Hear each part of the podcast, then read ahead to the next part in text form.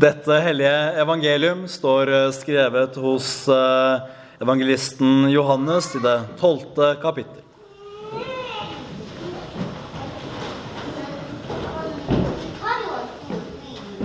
Likevel var det mange som trodde på ham, også av rådsherrene. Men for fariseernes skyld bekjente de det ikke, for at de ikke skulle bli utstøtt av synagogen. For de ville heller ha ære av mennesker enn ære av Gud.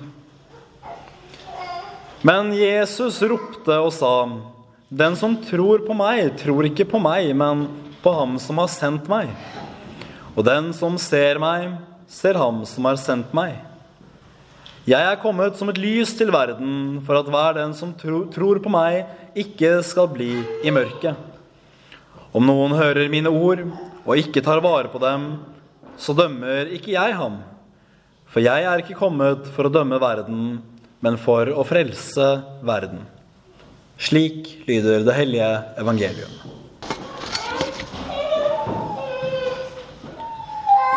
Hellige Fader, hellige oss i sannheten. Ditt ord er sannhet. Amen.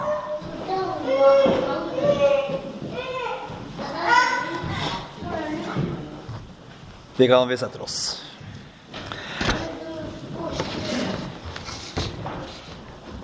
Ja, vi eh, har kommet til eh, hellige tre kongers dag.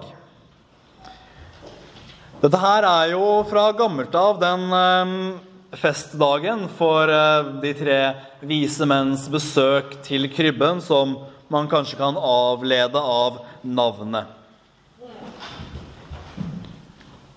I dag så kaller vi den for Kristi Kristi åpenbaringsdag.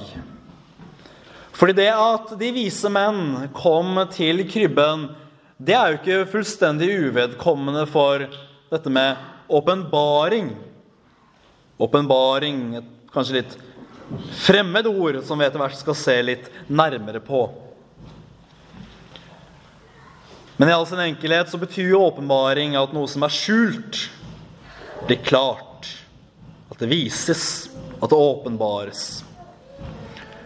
Og saken er jo den at for alle folk så er det nødvendig at Jesus åpenbares. Det er nødvendig for jøder at Kristus åpenbares. Og det er nødvendig for hedninger. Og hedninger i den betydning er jo ikke som vi kanskje er vant med å bruke det, men for jødene så var jo verden veldig grovt inndelt. Det var jødninger og Jødninger Ok, det er tidlig på morgenen også for meg. Jøder og hedninger. Det var jødenes grovinndeling. Grunnen til dette er jo at bare ved å se på det lille barnet i krybben, så er det ikke gitt at man ser at dette er Guds sønn. Med et vanlig menneskes øyne så vil man jo bare se et lite barn. Men jødene, altså hyrdene eller gjeterne i eh, juleevangeliet, de fikk det åpenbart av englene hvem dette lille barnet var. Dere kjenner jo historien. I dag er det født dere en frelser. Dette lille barnet er ikke et ordinært barn. Vismennene de fikk det åpenbart gjennom profetier og gjennom stjernen som de fulgte til barnet. Åpenbaringsdagen som vi har i dag, den signaliserer altså at nå er det for hedninger at også denne kongen er født.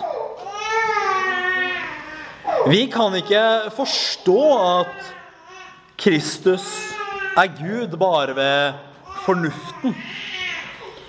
Fornuften den eh, ledet vismennene til Jerusalem. Men Kristus var jo ikke i Jerusalem, det vet vi. Han var i Betlehem. At Gud selv skulle fødes hit, til Betlehem, det var jo anstøtelig. Man, man likte det ikke, man kunne ikke skjønne det. Man, det, det stred imot all fornuft. Og det som ikke kan skjønnes eller forstås, det må åpenbares. Det må vises oss fra en kilde utenfor oss selv.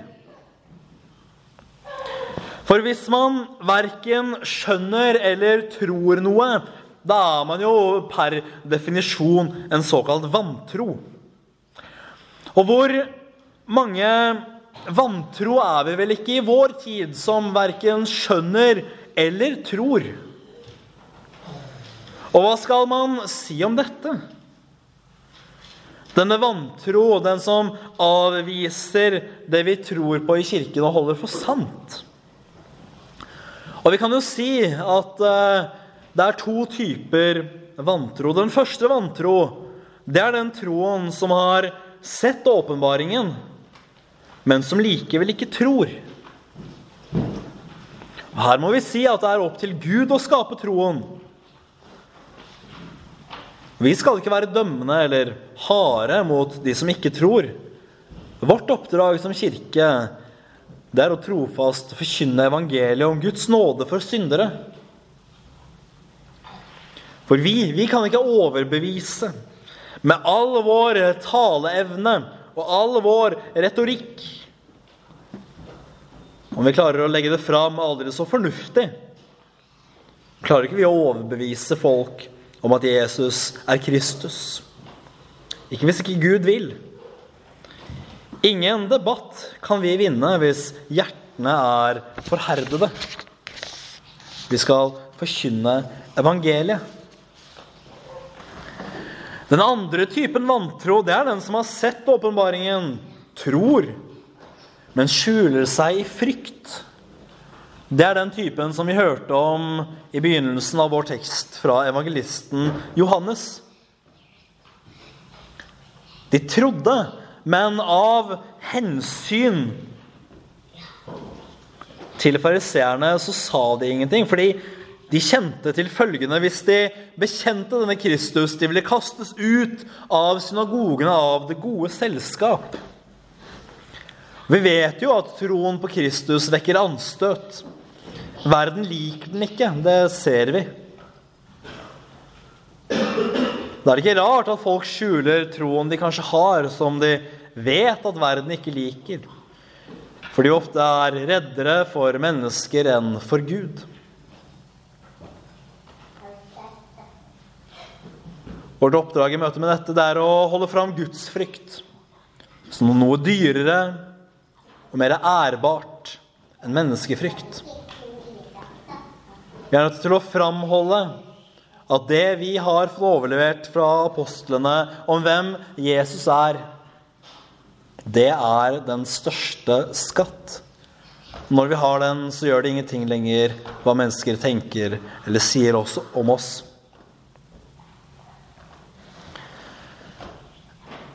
Men i stor grad så tenker jeg jo vi kan si dette at vi skal ikke bekymre oss så mye over andres vantro, men heller over vår egen tro og vantro. I vårt eget liv så er det jo den som har noe å si. For vi kan ikke gjemme oss bak at vi ikke har fått åpenbaret noe. For det har vi jo. Den hellige skrift vitner om at Kristus er Herren. Bibelen forteller oss at Jesus er Gud.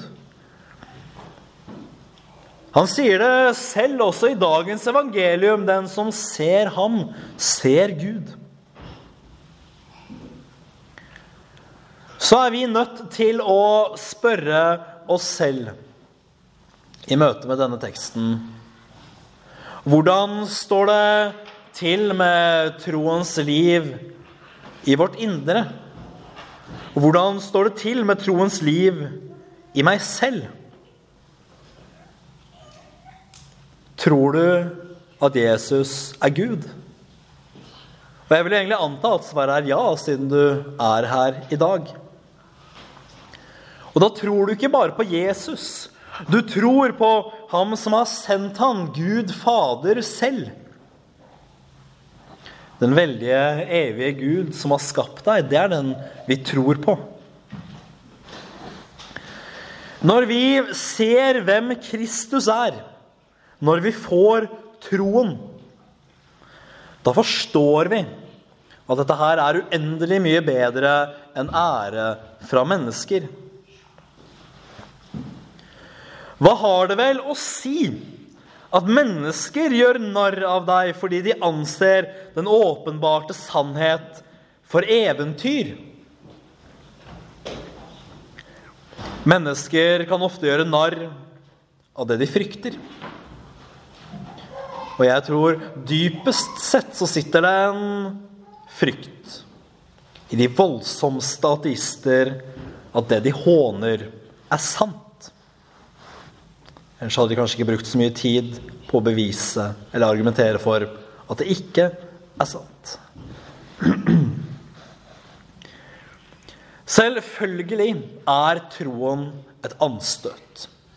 Et anstøt, altså noe verden blir fornærmet av. Noe annet ville jo egentlig vært rart. For slik er det at Gud lot seg føde. Kristus ble menneske. Det har vi akkurat feiret og mintes i denne julehøytiden. Dette gjorde han for å ta på seg våre synder og for å frelse oss. Og her ser vi Guds nåde til oss. At når våre synder ledet oss på veien til helvete, ja, da grep Gud inn. For slik vil han ikke la det gå. Men dette er det vi tror, og troen på en nådig Gud, det er det vakreste vi har. En nådig Gud. Samtidig så er dette noe verden ikke tåler. Og det er et trøstesfullt evangelium til oss i dag at Kristus kom til frelse og ikke til dom. For om Jesus primært kom for å dømme, da ville nok ting sett ganske mye hardere ut. Men i dagens evangelium forkynner ikke Jesus dom, han forkynner frelse. Til frelse lot han seg føde. Til frelse var hans gjerning som ledet fram mot kors og, oppstandelse. Men det er viktig at vi forstår at dette det handler om da Jesus ble født som menneske. Det betyr ikke at dommen er avskaffet.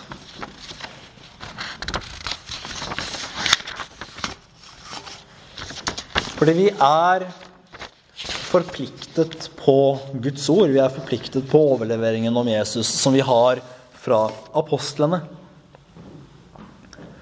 Og vi kan tro at når Jesus sier at uh, 'jeg dømmer ikke', så kan man jo tro at dommen er avskaffet. Men vi kan jo takke en noe litt underlig inndeling av teksten her. Vi kunne jo egentlig med fordel også lest vers 48, hvor Jesus sier, 'Den som forkaster meg og ikke tar imot mine ord, han har den som dømmer ham.' Det ordet jeg har talt, det skal dømme han på den siste dag. Så vi skal ikke veldig mye lenger før vi ser at dommen ikke er avskaffet. Ordet selv er en dommer. Og dette viser oss at vi har en forpliktelse til å tro dette ordet. Og vi har en forpliktelse til å ta vare på det.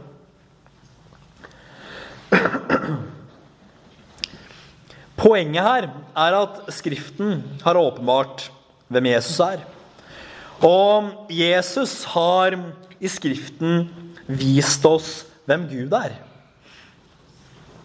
Og da kan ikke vi komme her og trekke ting fra eller legge noe til Bibelens ord om Jesus eller andre ting. For vi må alle få åpenbart hvem Jesus er og dette kan vi bare få gjennom Skriftens ord. Legger vi noe til eller trekker vi noe fra, da er vi ute på svært dypt vann.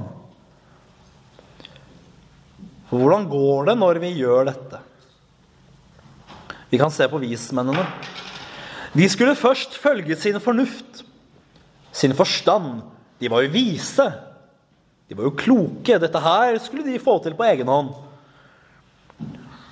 Skulle tenke seg til hvordan med sine menneskelige tanker de tenkte at ting skulle være. Og dette ledet dem naturlig nok til Jerusalem, den store kongens by. Der hadde de hørt at Gud var. Så dit dro de. Det var jo fornuftig. Men der, hva fant de der? Der fant de ikke Gud. Der fant de en hard konge. De fant så visst ikke Gud. Gud var et annet sted. Og for å komme dit så måtte de følge stjernen. De måtte følge stjernen som ledet vei.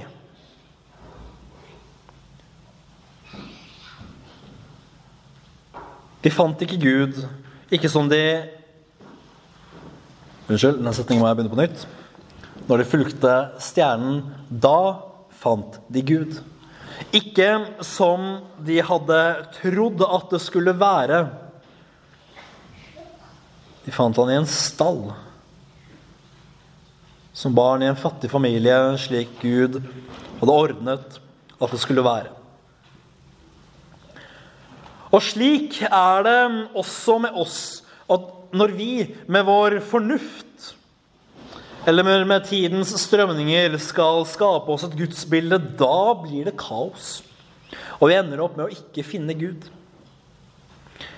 Vi er også nødt til å følge en ledestjerne. Og denne stjernen, den er jo Guds ord. Når vi følger denne stjernen, da kommer også vi til barnet i krybben. Og det slår meg ofte som underlig at vi mennesker prøver, og at vi i det hele tatt har et ønske om å skape oss et gudsbilde revet løs fra Skriftens Jesus.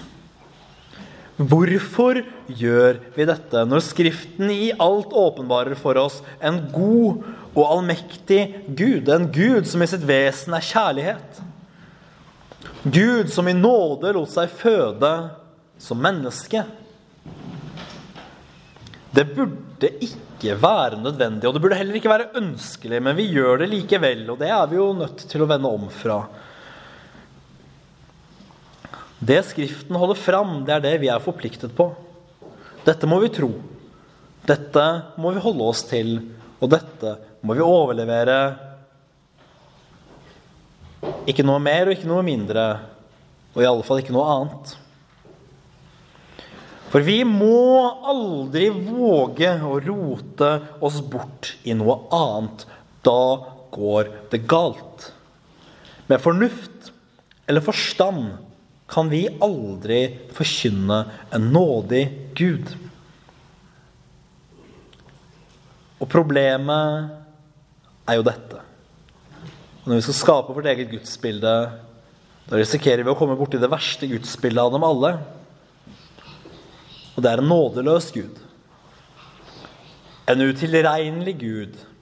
En ustabil Gud. En Gud som gjerne kan lyve og bedra og endre mening.